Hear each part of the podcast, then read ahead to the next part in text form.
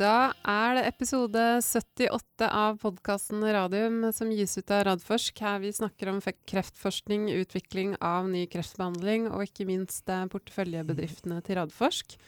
Dagens utgave tror jeg vi bare skal kalle aksjonærspesial, eh, Jonas Einarsson. Det høres ut som en utmerket tittel. ja. Nå skjedde det jo litt sånn eh, mikk eh, forrige uke med at halve podkasten forsvant eh, for oss, så det er bare å beklage. Men da satser vi på at det ikke skjer i dag.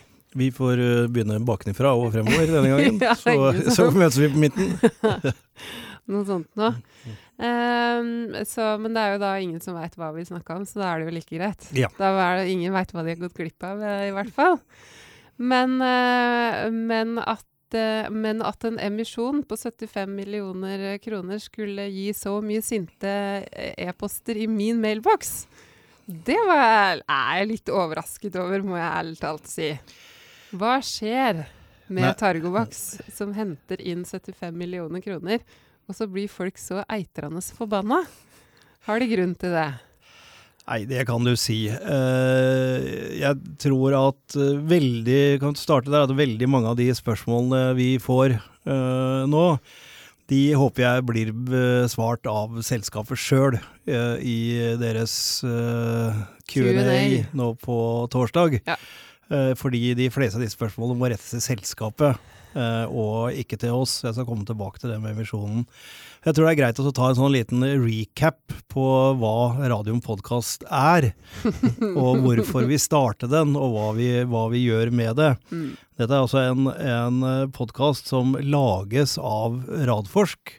Som jo da blant andre ting er eh, litt eh, smått innblandet i å investere i å utvikle biotekselskaper basert på norsk kreftforskning.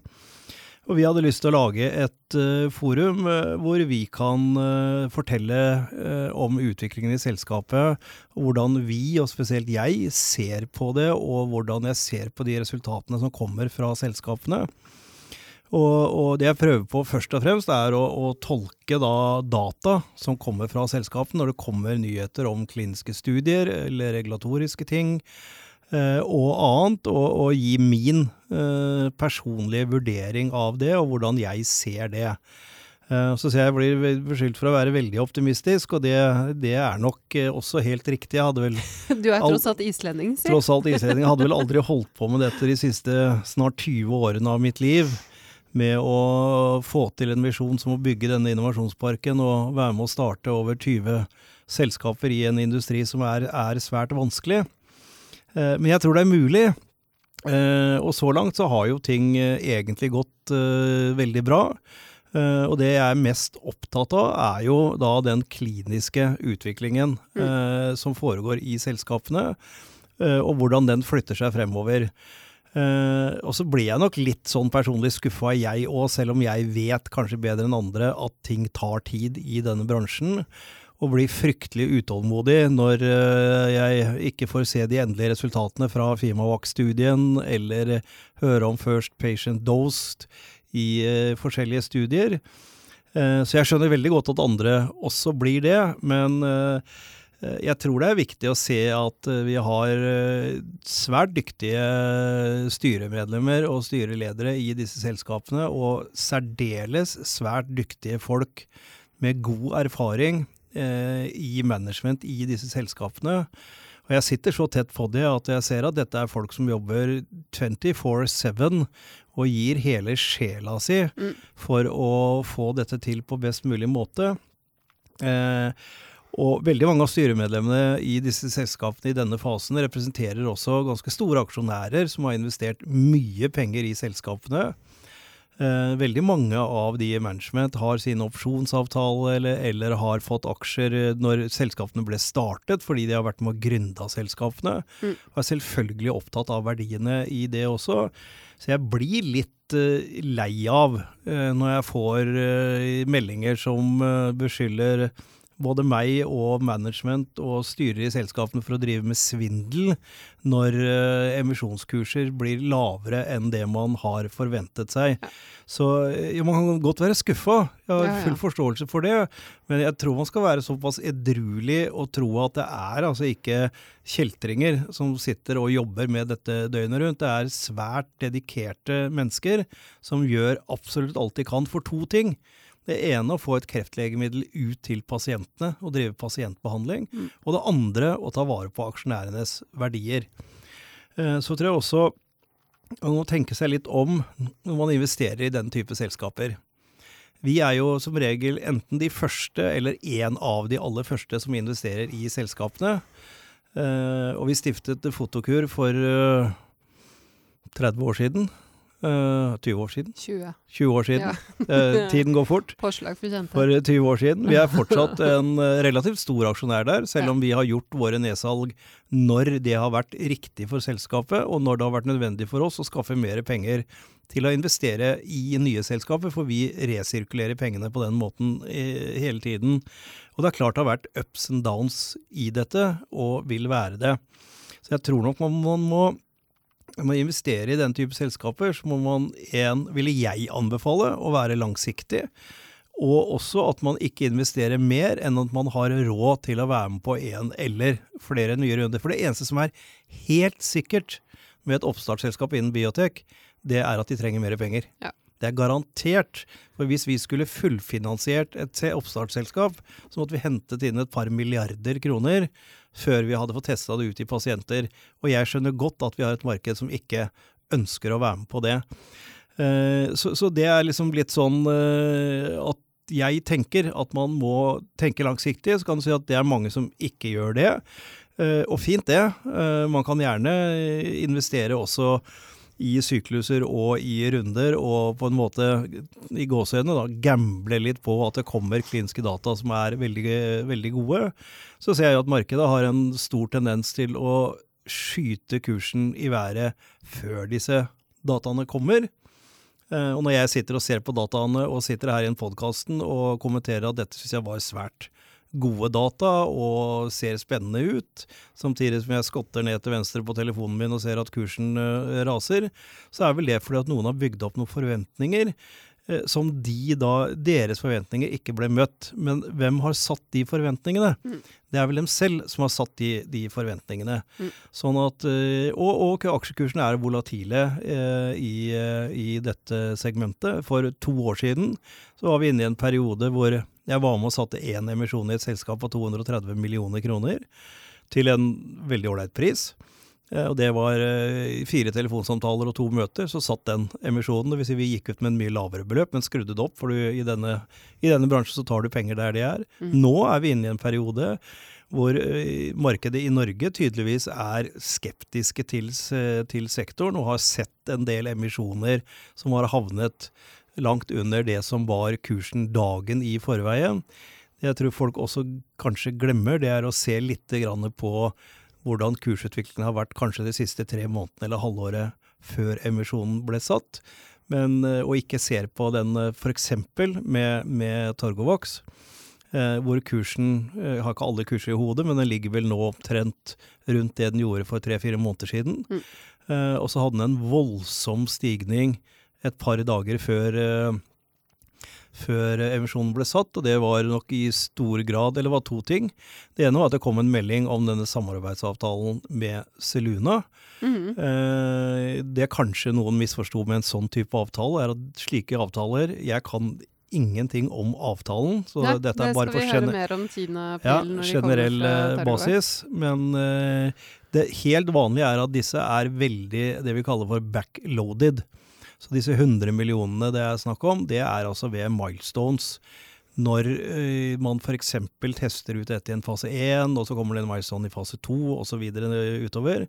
Uh, og Celuna er jo ikke i klinisk fase enda. Nei. Så hvis man har trodd at denne avtalen skulle finansiere kortsiktig for, for Targovox, så har nok det vært en liten misforståelse, som kan ha bidratt til det. Og så kom denne avtalen med Parker Institute og CRA, som vi kommenterte i forrige episode. Jeg er litt mm. usikker på om den var jo, med på tapen eller ikke. Ja. Vi da, kan vi, da kan vi henvise til mine, mine, kommentarer der, som var mm. svært positive. Mm. Uh, og det kan jeg godt gjenta. Jeg syns det er en svært positiv avtale, både for at det er nå mulig å utvikle TG-plattformen videre og teste den ut kanskje i en setting hvor man kan se resultater relativt fort.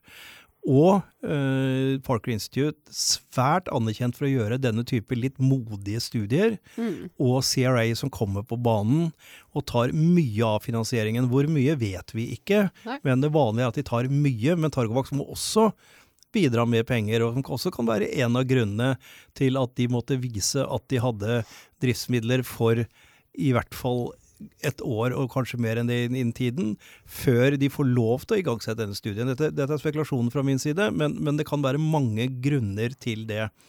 Og så syns jeg folk da og, og, da at jeg har hauset Targovax fordi jeg syns den avtalen er god, Eh, det har jeg litt problemer med å forstå, men hvis det oppfattes som at dette er positivt fra meg om Targovax, så er det det. Eh, og det står jeg for. Ja, jeg så Vi fikk en kommentar inn på Soundcloud at vi hadde hypa dette voldsomt før emisjonen kom, men det er jo ingen av oss som visste om, om emisjonen. Eh, og det er ingen av oss som er innsidere, og, og, ingen av oss som personlig heller har aksjer i disse selskapene, er også viktig å si. Ja. Fordi det, det har vi ikke lov til. Nei, altså det er, det er selvpålagt fra meg. Ja. Mm. At ingen som jobber i Radforsk får mm lov til å handle i, i de aksjene. Nå, nå, skal det sies da at min kone har noen aksjer i Fotokur, som, hun, eh, som hun kjøpte når vi børsnoterte Fotokur i 2000 med en gjennomsnittlig pris på 167 kroner. Så det har ikke vært noen god butikk ut av det, men det var, da, det var før jeg ble direktør og igangsatte denne regelen. Så, så, jeg snakker på vegne av selskapene og Radforsk som, eh, som, investor, og ikke av personlige interesser i dette. Og så er det også sånn at det er jo noen selskaper hvor da enten du eller, eller Anders sitter i styret eller er styreleder, men Targovax er jo ikke et av disse selskapene heller. Så det, dere er vel per def ikke insidere der heller? Uh, nei, nei, vi er ikke innsidere nei. i Targovax. Uh, en, en, de, de, våre lyttere er jo fantastiske til å grave, så det kommer sikkert fort en tilbakemelding at det er ikke sant, fordi fordi et av styremedlemmene i, i Radforsk, Bent Lille Romøren, sitter i styret i Torgovax. Og det er helt riktig, ja, men det det er vanntette skott. Ja mellom henne og disposisjonene som Anders og jeg gjør for ja. Radforsk. Og vi prøver å være veldig nøye med å si, når vi f.eks. snakker om Ultimovax, at jeg er styreleder der, ja. og at da snakker jeg som styreleder i, i uh, Ultimovax. Uh, mens i uh, de børsnoterte selskapene, som er jo de vi kommenterer aller mest, mm. så har verken Anders Tuv eller jeg noen uh, formelle roller, mm. annet enn at vi kan være sitter i valgkomiteer. Ja. Eh, og så har det da det kommet inn masse spørsmål, eh, fleste av de om Targovax, men også en del om, om, PCI. Vi skal komme tilbake til det.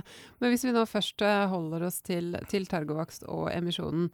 Eh, var det sånn at, eh, at Radforsk var med i den?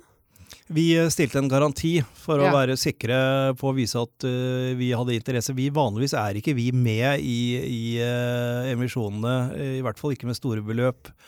Eh, når eh, selskapene har blitt så modne som uh, Targovax, f.eks. i Nordic Nanovector har vi ikke vært med i de siste emisjonene.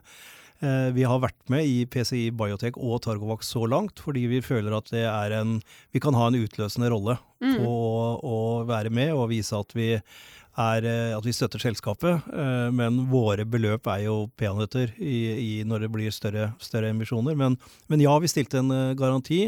Men vi sa også at hvis det var utenlandske investorer som var interessert, så, så kunne vi la være å få noe allokering. Mm. Og det fikk vi da beskjed om at vi fikk ikke noe, noe allokering, men vi var med og stilte en garanti. Ja.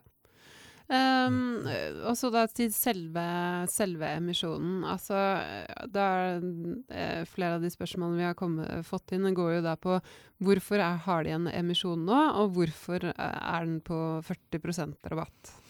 Ja, det, Jeg vil overlate til, til eh, ledelsen i Targovax å, å, svare på det. Men siden jeg nå kommenterer disse tingene, så, så vil jeg jo si fra min side så er det at uh, hvis du leser uh, regnskap og planer til uh, Targovox, så vet alle at det måtte komme en emisjon.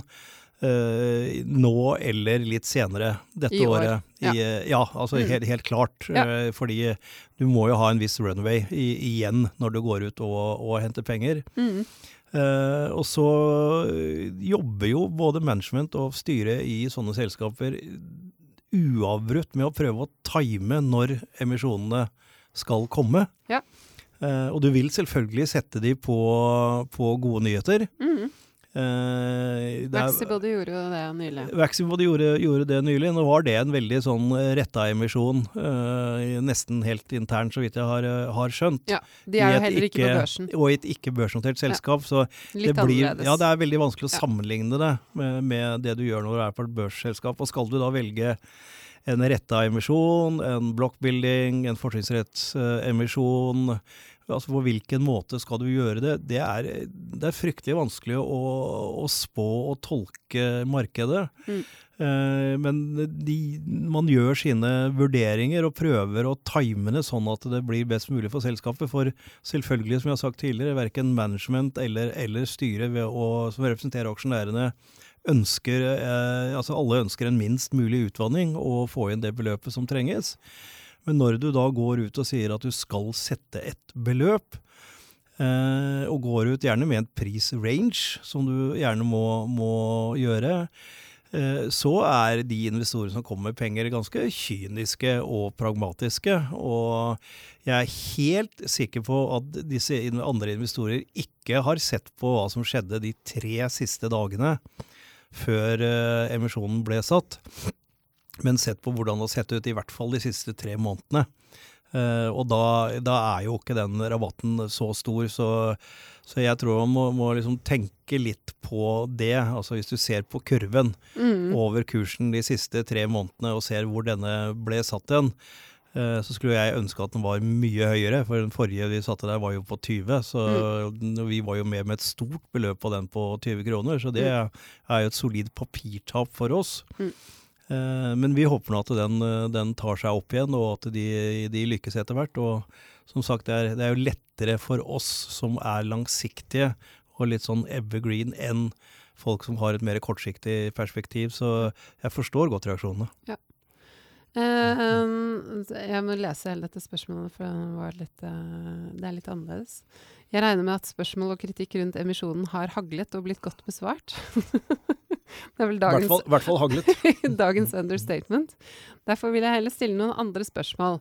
Kan dere si noe om hvordan interessen rundt Targovax har endret seg etter avtalen med Parker? Nei, det Nei. kan jeg ikke si noen ting om. Nei. For det vet jeg ikke. Uh, det jeg kan si, er at det har vært interesse for TG-plattformen til Targovox etter at de publiserte TG01-dataen. For hvis mm. ikke så hadde vi ikke hatt noen avtale med Parker og CRA. Mm. Men det kan vi også høre med de om når de kommer 10. april. Ja. Uh, så er det, er det samme, sp neste spørsmål fra samme lytter. Kan dere gi én god grunn til skeptiske og surmulende småinvestorer for at det fortsatt er verdt å holde på aksjene i selskapet, altså Targovax? Bare én, Jonas. Ja. Uh, jeg tror på teknologien ja. i selskapet. Jeg tror på at onkolytisk virus, og jeg tror at uh, peptidvaksiner har en plass i fremtidig immunterapibehandling. og Det er derfor vi sitter og er tålmodige i dette og de andre selskapene. Fordi vi investerer først og fremst i teknologi og etter hvert i management. Mm. Eh, mange, spesielt ventureselskap og andre, vil si at de investerer i management, management, management. Management er viktig, mm. men hvis ikke de har en god nok teknologi å bygge på, så holder det ikke. Så vi, vi, vi har investert i disse selskapene for vi tror denne teknologien vil finne sin plass. Så er det et hav av utfordringer i forandringer i standard of care, i, i de regulatoriske myndigheter og alt dette. Så igjen, ja, risikoen er kjempehøy, mm. men vi gjør det øh, ved å investere i teknologier. Mm. Um, så er det en annen her som er litt mer interessert i, i, hva de da skal gjøre i denne studien som de da skal i gang med sammen med Parker Institute. Uh, han nevner da at uh, de ønsker å starte mm. behandlingen uh, i løpet av de neste tolv månedene. Men, men det påpeker også da at i og med at uh, pankraskreft eller bukspyttkjertelkreft er så dødelig, om man da har mulighet for en raskere datautlesning. Og hva da om dataene er gode? Altså hva med etikken i dette? Hvordan spiller disse mm. tingene der inn? Det er interessant å høre litt om. Dette er et svært godt spørsmål. Uh, det første med når de kommer i gang med behandlingen, det skal jeg ikke mene noen ting om. Nei. Det vet jeg eh, antakeligvis ikke selv engang. Nei. Nå, de, nå, skal først protokollen uh, lages. Mm. Vi, vet ikke hvordan den ser ut, Nei. men det de har sagt er altså en kombinasjonsbehandling. Litt usikker på om de skal kombinere både kjemo, checkpoint og vaksine, hvilket jeg tror kanskje jeg ville gjort. Men, men, dette er jo da disse key opinion leaders og Parker som, som absolutt står i, i førersetet på det. Og de skal gjøre det i inoperabel pankraskanser. Mm. Uh, og, og, lytteren har helt rett. Dette er jo en svært dårlig prognose. Uh, pasientene dør dessverre det er vel en av de dårligste, og en som, hvor det på en måte har skjedd minst innenfor kreftområdet de siste 20-30 årene. Siste, kan gjerne si de siste 40 årene. Ja. For vi, vi, har ikke noe. Altså, de har fått uh, gemcitabin, de har fått uh, cisplatin. Hva vet jeg om de får Folfironox uh, nå i tillegg. Mm. Uh, men, men, det hjelper jo ikke. Altså, det er uh, det, det, har ikke vist noen omtrent effekt i det hele tatt. Eh, og pasientene dør dessverre veldig raskt. Så er det paradokset i dette, og så må man være litt forsiktig når man uttaler seg, for dette er jo snakk om pasienter som mm. dør tidlig. Mm. Men svaret er i mine øyne ja. Det tar mye kortere tid til avlesning mm. av det på en måte det endelige resultatet, som er overall survival. Ja. Eh, fordi vi, vi, kan jo ikke måle progression-free disease eh, i en eh, altså Du kan jo godt si at du kan ta målinger ved baseline og se på CT-bilder og MR-bilder, og så se om uh, tumor vokser uh, enda mer. Uh, men det blir over såpass kort tid at jeg, jeg ville tippe at endemålet her blir overall survival. og dessverre, da i hvert fall for kontrollgruppen, så vil det kunne lese seg relativt raskt. Mm.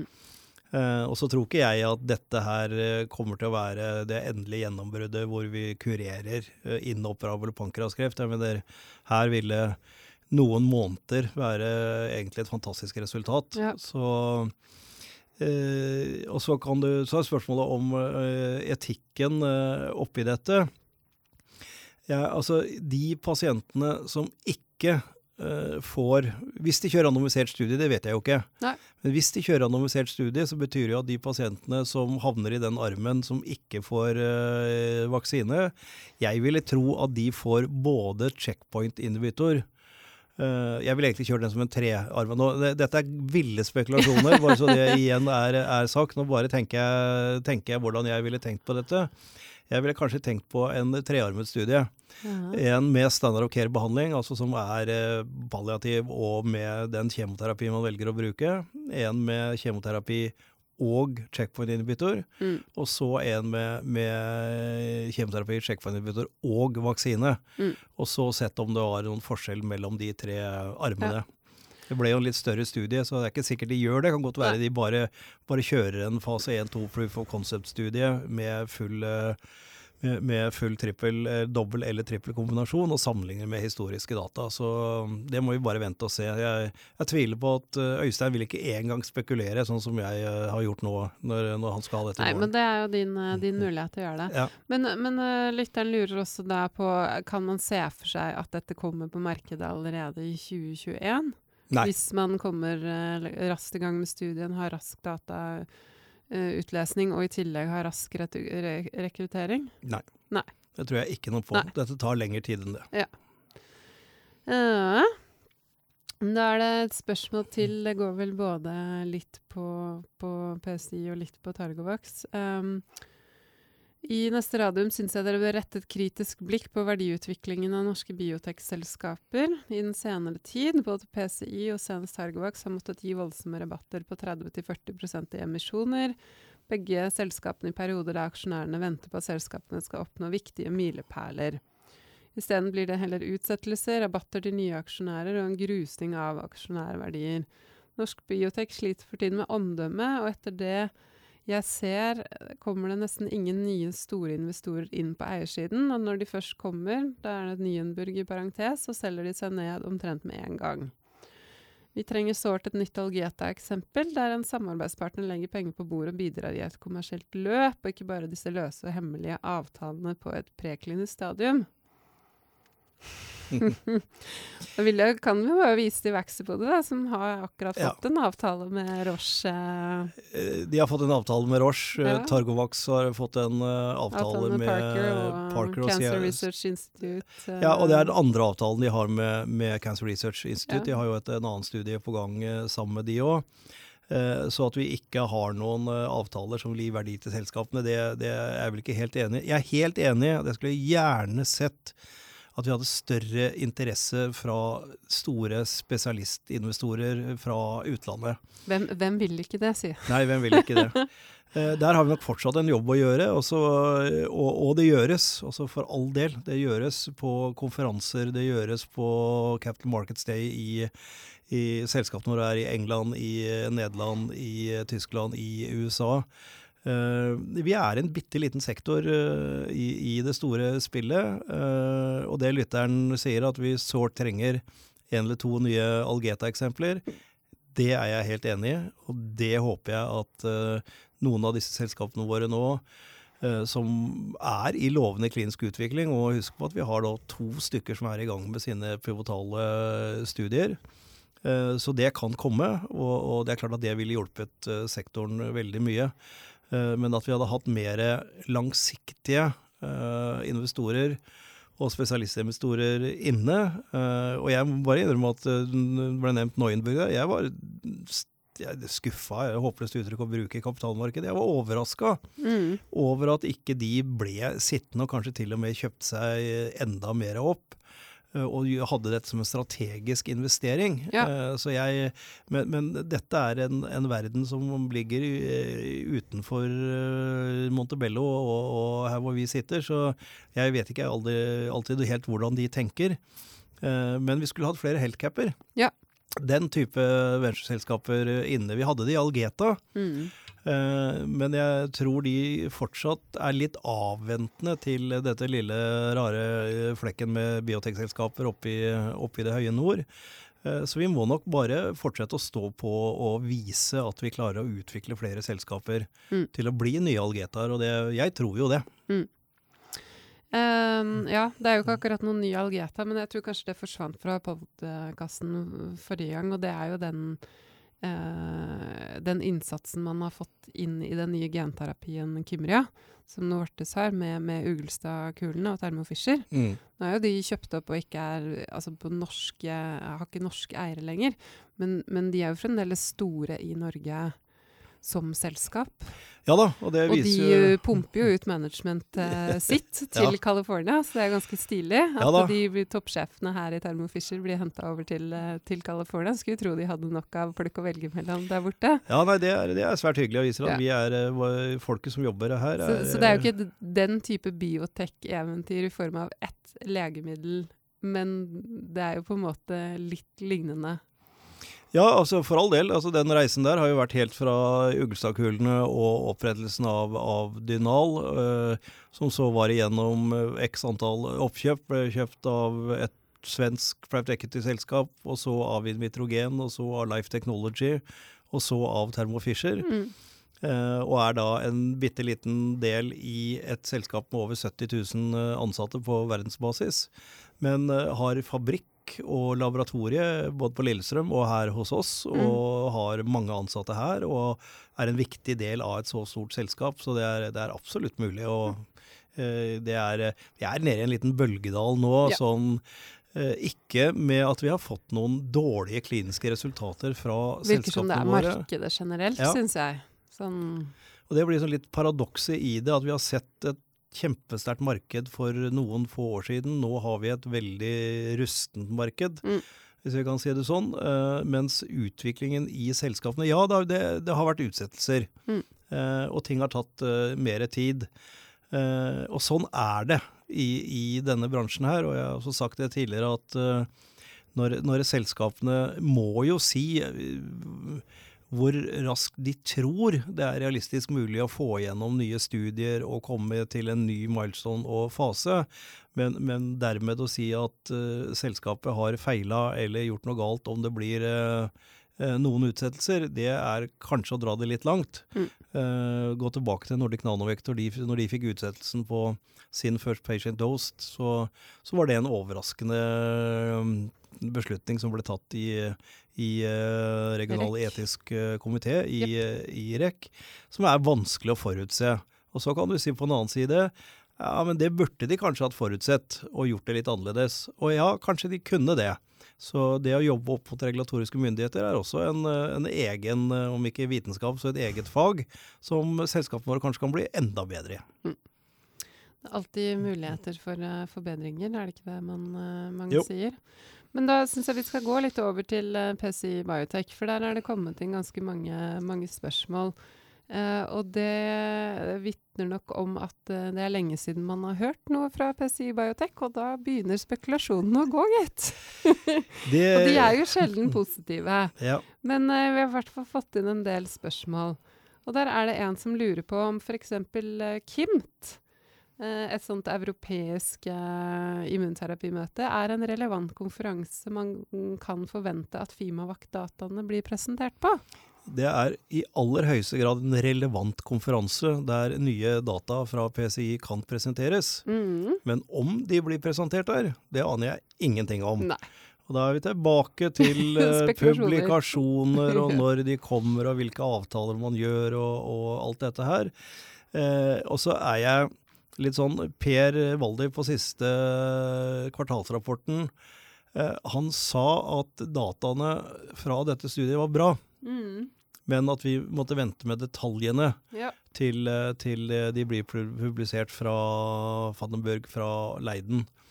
Eh, og, og, da kan man jo velge da, om man syns det på en måte er godt nok, og si at det har i hvert fall ikke feila. Eh, for da kunne han ikke sagt det. Mm. Uh, og så kan man jo da grave seg ned når, de, når den uh, vitenskapelige publikasjonen kommer, altså grave seg ned i publikasjonen, ikke grave seg ned, uh, og, og, tolke dataene ut ifra det. Og det mm, får alle gjøre som de best kan selv, og så skal vi forsøke å kommentere det mm. fra vår side òg. Men, men, klart, det er, vi er utålmodige nå, og vi vil mm. gjerne ha de FIMA-resultatene, Sånn at for det er, jo, det er, jo, spennende å se og få en bekreftelse på at dette ser, ser bra ut. Så vil jo ikke det føre til noen nye avtaler umiddelbart, selvfølgelig, men det vil jo gi Dersom de er bra og gode, så vil de jo gi PCI en gode forhandlingskort på hånden for å gjøre det de har sagt de skal gjøre med den, eh, med den plattformen, mm. Eh, og utlisensiere. Uh, ja, for det neste spørsmålet går litt videre på det her. Jeg tror du egentlig har svart på litt av det. Men det at data slipper la vente på seg, kan vi tolke det som at det er gode data? Med mindre gode data kunne man kanskje ventet at de gjemte bort resultatene i en kvartalspresentasjon. For å si det sånn, skal godt uh, la seg gjøre å gjemme bort ting i en kvartalspresentasjon som noen venter så voldsomt på. Men for all del. Nei, jeg, det, er, det, er, rene spekulasjoner. Ja. Uh, og, og, på den annen side, og det uh, Jeg også får, får, en del spørsmål om de spekulasjonene, og særlig når ting tar tid. Er det fordi at de prøver å sitte og skjule dårlige data og ikke komme med, med det som er dårlige nyheter? Uh, min erfaring etter 19 år i denne bransjen er nei. Det er ikke sånn det fungerer. man publiserer og, og du, du, kan prøve å gå til uh, van de Burg, da, uh, som er en svært anerkjent vitenskapsmann. Mm. Og så si til han du, hadde du giddet å bare venta litt med å publisere de dataene, for vi er ikke helt fornøyd med de. Da ryker det samarbeidet der, for å si det sånn. Ja, da tror jeg han ville publisert umiddelbart ja. den henvendelsen. Så, så, dette er litt tullete spekulasjoner, for å være helt ja. ærlig. Eh, men så hvis vi går videre til eh, Det blir vel eh, eh gallegangskreftstudien. Fem eller seks pasienter var i live i extension-studiet ved utgangen av desember. Og effektdataene er lovet altså første halvdel 2019. I hvilken grad vil gode data her øke sjansen for suksess i pivotalstudien? Jeg synes ikke man skal legge for, for mye vekt på de dataene. Altså, det, er, det, er litt Det er veldig, veldig, veldig små tall. Uh, det er jo veldig hyggelig hvis de er, er bra. Men det, men det, blir jo statistikk, ikke sant? så det blir jo et for lite utvalg, rett og slett. Ja, de kan ikke lage noen statistikk på, på, dette uansett. og, og jeg, jeg, jeg, altså, det hjelper egentlig ikke å spekulere i det der heller, fordi Nei. det er dataene fra pivotalstudien som mm. er make it or break it ja. For, for, for, PCI. Mm. Uh, men kan du da kommentere noe rundt konkurransesituasjonen på gallegangskreft? Og så kommer lytteren med et eksempel i forhold til en, noe som heter Nukana. Da må man bla seg tilbake noen episoder av denne podkasten. I den grad man blar på internettet. Ja, ja, ja, Lytte seg tilbake. Eh, hvor jeg gikk igjennom det eh, ganske nøye. Mm. Eh, jeg kan bare gjenta kort at Nukana er, eh, er altså en modifikasjon av gemcitabinen, så vidt jeg husker. Nå har ikke jeg forberedt meg på den. Men det er altså ikke noe, det, det, er, det er ikke noen ny måte å behandle på. Det er en litt, kanskje, bedre kjemoterapi. Mm. Og hvis den viser seg å være bedre, så vil jo jeg anta at uh, hvis man har uh, allerede stadfestet at gemcitabin og uh, PCI-teknologien er bra og mm. fungerer godt og skal brukes, så vil jeg tippe at det skal svært lite til å dokumentere at denne nye behandlingen sammen med PCI også vil gi det samme. Så, så jeg ser det som kanskje en bedring av standard of care, ja. og at PCI-teknologien skal gis på toppen av den. Og mm. selv Eh, om man da har modifisert gemcitabin noe, så vil jo ikke jeg tro at det vil gjøre at PCI-teknologien ikke vil fungere som en add-on eh, der også. Eh, så jeg anser ikke det som noen stor konkurrent. Og så jeg, uh, har jeg sett dette før, at man har gjort endringer på kjente, kjente kjemoterapier for å gjøre de bedre og mer effektive.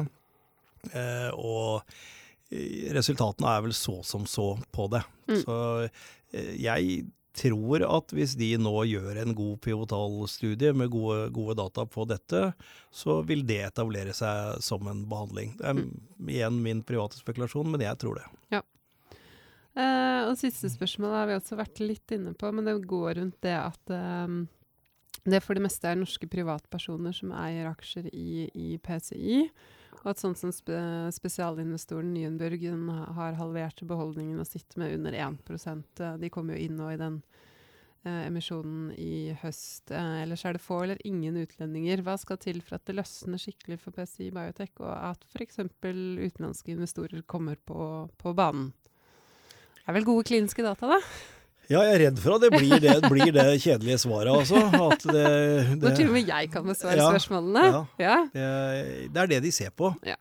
eh, rett og slett. Mm. De, de, måler selskapene våre etter, etter kliniske data. Uh, og når de nå ser at eh, PCI er fullfinansiert gjennom den pivotale studien, mm. så skjønner jeg ikke hvorfor de skulle investere i det nå, uh, istedenfor å vente på disse kliniske dataene. Mm. Uh, jeg ville kanskje investert nå, fordi at uh, jeg forvent, forventer at oppgangen kommer med de gode dataene. Ja. Men de store investorene tenker ikke sånn. Nei. Altså Inngangsverdien deres som den er det som er market capen i dag, eller om det er tre-fire ganger. Så er ikke det så farlig i forhold til den rederiskingen som kommer. Så de, de tenker litt annerledes. Mm. Og for dem er dette tidlig fase. Ja. Eh, men da kan vi ta et spørsmål som vi faktisk snakka om forrige uke, men som ingen andre enn oss da faktisk har hørt at vi prata om. Eh, og det går på Photocure og, og biotek eh, på børs. Eh, for der hadde de jo et sånt Facebook-møte med, med, Dan Schneider, hvor han fikk eh, spørsmålet i forhold til listing av eh, selskapet på en amerikansk børs i tillegg til den norske, eller istedenfor den norske. Uh, og så kommer det som kanskje er litt mer sånn generelt interessant, som ikke bare går på, på Photocure. Og det er det at lytteren skriver at det virker som om uh, total market cap for biotech-indeksen liksom ligger og stanger på rundt 6-8 milliarder. Uh, og at det ikke virker som det er noe særlig mer penger. At det rett og slett det er, ikke, det, er ikke, så veldig mye mer å, å hente. Og, og hva, hva, gjør man da? Er det listing på andre børser som er, er greia, eller? Ja, altså, altså, Total market cap på, på den sektoren eh, vil jo ikke øke med mer penger. Den vil øke hvis kursen øker, mm. og interessen øker. Mm. Eh, for det er jo sånn at eh, hvis man skal kjøpe aksjer så er det noen som må selge. Så det er, jo, det er, noe, det er jo emisjonene som gir tilførsel av kapital til selskapene. Ja. Det andre er, er en økning av, av verdiene. Eh, og når det gjelder å, å, notere disse selskapene våre på andre børser, det er selvfølgelig noe alle selskapene vurderer til enhver tid. Eh, det er ikke en, en lett eh, øvelse å få til, og spesielt ikke når du er i utviklingsfasen. Fotokur derimot er ikke det. De er i salgs- og markedsføringsfasen, som gjør at interessen forhåpentligvis kan være større etter hvert som de viser at de faktisk tjener mer penger enn de bruker. Mm. Uh, hvilket de vel har sagt at de ikke tror de gjør i år, fordi de bygger opp satsingen så mye i ja. USA. Det kunne kanskje vært psykologisk fornuftig å sørge for en aldri så lite sort tall, men uh, det er vel ikke Erik Dahl helt enig med meg i, men jeg syns kanskje det hadde vært litt uh, lurt. Men, men, uansett det er helt andre regneark og helt andre modeller amerikanske investorer ser på når de da ser at selskapet er på en måte ferdig utviklet. Eh, de er vel sånn bortimot ferdige med å bygge opp salgsstyrker, så de vet hva utgiftene blir. Og så mm. kan de sette seg ned og se på hva de tror at omsetningen blir de nærmeste fire-fem årene. Uh, og det, kanskje det kan være en åpning til at det, at det kan være vårt første selskap som blir uh, notert på Nasdaq i, uh, i USA. Mm. og det har vært kjempespennende. for da ville vi sett hva, hva, er det egentlig også amerikanske investorer er villige til å prise et sånt selskap for. Mm.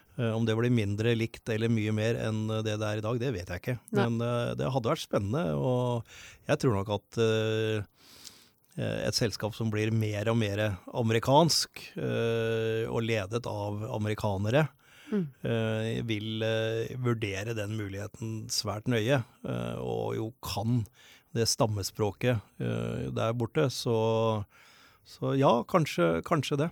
Mm. Uh, ja. Uh, hvis vi skal da gå til uh, et, et, annet selskap, Wessybody, så har jo de igjen publisert uh, gode kliniske data. Ja, da kan mm. vi kan hype, hype, hype, de litt. da, nei da, de, de Kan bare referere til pressemeldingen. Ja, nei, det var en Proof, proof of concept. Ja.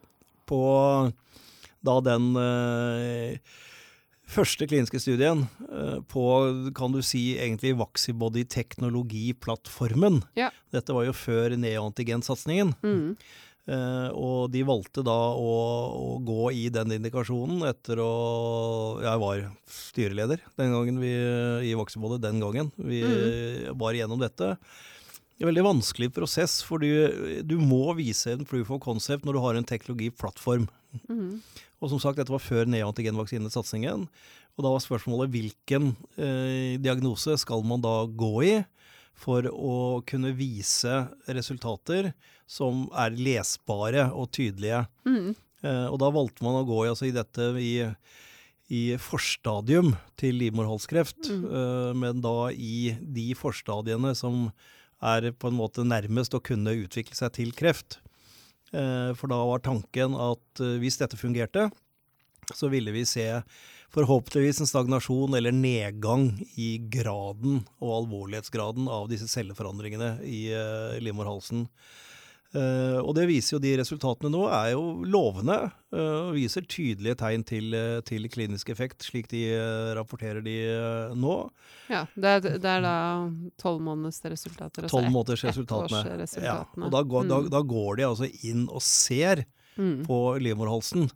Og så ser de utbredelsen av disse lesjonene, sånn mm. at det, det er en, en ren måling på om det har vært tilbakegang eller ikke.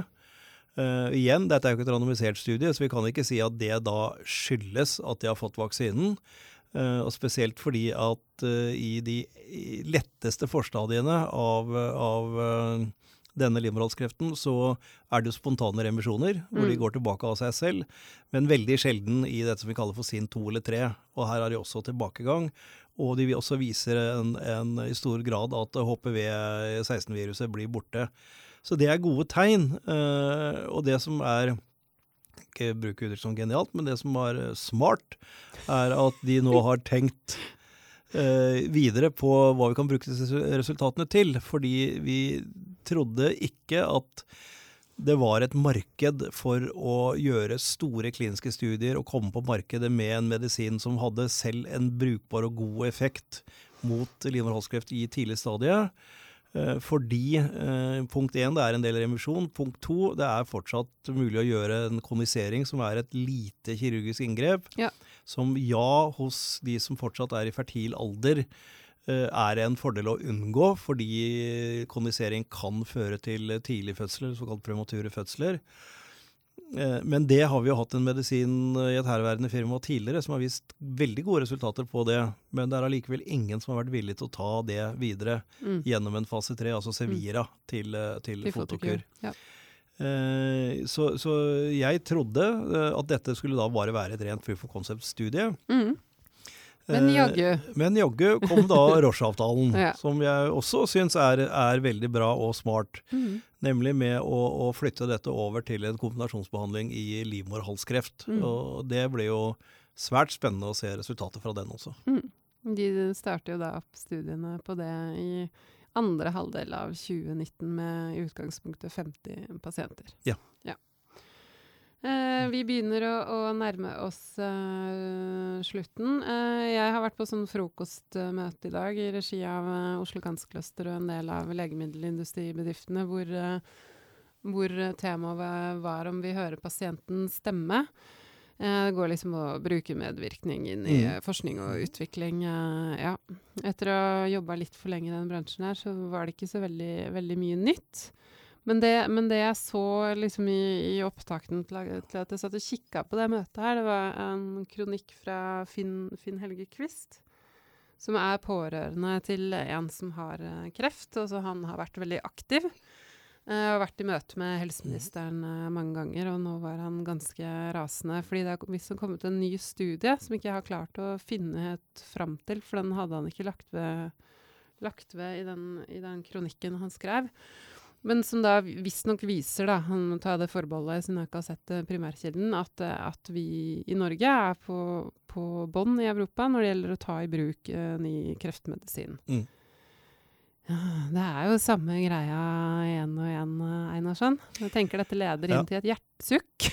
Jo, men altså, det, det er jo det. Eh, og, og, det vi ikke klarer å løse, eh, er å finne måter vi kan ta i bruk ny kreftmedisin på. Mm. Eh, I mine øyne umiddelbart etter at de regulatorisk er godkjent. Ja. Og så kan både farma, farma, farmasøytisk industri og myndighetene skylde på hverandre om hvorfor dette ikke skjer. Eh, men det er i mine øyne helt uholdbart at det tar årevis eh, for de pasientene som ikke har råd til å betale selv. Mm. Mens de som har råd til å betale selv, kan reise til utlandet eller dra ned på Aleris eller tilsvarende her i Oslo og få behandlingen. Ja. Uh, og, og det, det, det, er hjerteskjærende uh, å, å se dette. Jeg får masse henvendelser helt personlig. Jeg hadde en nå for kort tid siden hvor, eh, hvor det var helt klart at den pasienten burde ha en mm. medisin som er godkjent i Norge, mm. men som ligger i dette beslutningsforum. Ja. Uh, og det å vente kanskje et halvt år eller ett år på å få den medisinen, vil jo da kanskje ta livet av den pasienten. Mm. Så vet jeg at den medisinen er veldig dyr. Mm. Og så er jeg ikke sikker på om den pasienten har mulighet til å betale det selv. Uh, og hva gjør jeg da? Uh, jo, jeg velger å si det til pasienten at sånn er det, og det er mulig. Mm. Uh, men det er ganske hjerteskjærende. Ja. Det, det, er nettopp det det er. Og det, og det jeg merker etter, etter å ha liksom fulgt disse diskusjonene nå opp, opp, og ned i mente, og med både én og to helseministre, som begge har sittet ganske lenge, at jeg skjønner at, ikke at de ikke kan ta tak i selve dette systemet. For det er liksom systemet de skyver uh, foran seg hele tiden. Og det er tydeligvis noe gærent med det systemet når vi får disse diskusjonene opp igjen og opp igjen og opp igjen. Uh, og vet, uh, og Terje Brustugen, uh, som er onkolog, altså lungekreftlege, han er vel en av de fremste spesialistene på ja. dette i Norge i dag, var på møte i dag. Og som han sier, nå er de fortvila. Fordi de veit at de har medisiner som kan ikke bare liksom hjelpe disse pasientene noen måter, men som kanskje kan faktisk kurere kreften deres. Fordi de er så spesialiserte, disse nye mm. medisinene. Og så får de ikke lov til å prøve dem engang. Og som han sier, eh, det som er greia med, med, disse kreftmedisinene, at om de ikke virker, så ser de det etter en måned. Ja. Og da koster det ikke så innmari mye penger. Så hvorfor får de ikke da lov til å teste dem ut? Så det er jo som du sier, altså vi må få opp et system hvor mm. man tar det i bruk kjapt. Og så får du også evaluere fortløpende. Vi har jo et kreftregister som kan hjelpe til med det. Ja. Så dette kan jo ikke være hva skal man kalle det for noe, rocket science. det er overhodet ikke rocket science. Kjære norske byråkratstat. Ja, jeg går ut fra Durvalumab, som uh, Odd Terje snakket om. Mm, ja, det vet jeg ikke. Han nevnte ingen navn. Nei, men nei. Uh, altså, det er en, uh, en ny checkpoint-inhibitor som AstraZeneca har utviklet. Mm.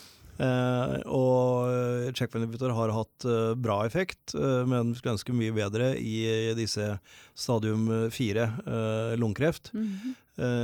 en spesiell type, eller den største typen, som heter non-small cell lung cancer. Ja.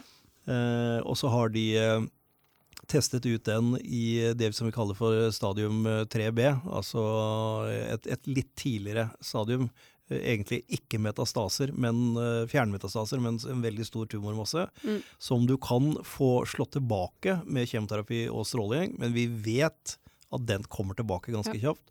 Men hvis de etter å ha fått denne på en måte slått ned tumormassen først, får denne behandlingen, så er resultatene så bra at de eh, er jo da Den medisinen er regulatorisk godkjent og ligger nå i Beslutningsforum og ja. hele apparatet. Og da sitter Odd Terje med disse pasientene foran seg. Han vet de kliniske dataene og resultatene. Mm. Uh, og jeg vet at han forteller pasientene hvordan verden er. Mm. Så jeg går ut fra han sier til pasienten at det fins en behandling, men jeg kan ikke gi den. Nei, Nei og det er, eh, det er, ikke, det er ikke noe ålreit. Og jeg tenker sånn Sånn som også var oppe i dag, at når du vet at du kan dra til Sverige eller Danmark, hvorfor skal det være så annerledes der, når du kan få medisin der? Hva er det som er så annerledes i, i landet Norge? Er det det at vi har olje? Altså, det, det, henger liksom ikke helt på greip. Det kan um, godt være at i Danmark så har de sterkere politikere enn byråkrater, istedenfor omvendt. ja, kanskje det. Eller så kan de bygge et protonsenter mindre, for der er det ganske mye penger å hente. Da har man ja. råd til ganske mye ny eh, kreft, eh, kreftbehandling. Eh, helt på slutten så vil jeg egentlig bare reklamere for, for en annen podkast. det er, eh, er A-magasinet nå som har en podkast hvor de følger Kristine Koht, som jeg tror veldig mange kjenner til, som mm. da har fått en veldig alvorlig kreftdiagnose. Ja. Eh, og hun blir da fulgt av en fantastisk uh, journalist som heter uh, Joakim Førsund, eh, som har laga flere andre gode sånne podkastepisoder. og da får man et veldig sterkt innblikk i hvordan en pasient og også pårørende har det i, mm. i møte Hun får immunterapi blir behandla av av en uh, kreftlege på, på Radiumhospitalet. Så man får ganske sånn sterkt uh, innblikk i hvordan dette er. Mm. Så veit vi jo ikke åssen det går, for hun blir liksom fulgt i, i realtid. Ja. Så får bare krysse fingra. Nå har hun fått uh, bivirkninger av, av, terapien, så vi, vi veit ikke. Så ja. Men den kan anbefales i hvert fall. Den heter Kot vil leve. Mm. Og ligger, uh, ligger på A-magasinet eller i andre sånne podkastspillere som man kan bruke. Har du noe annet? Nei. Nei.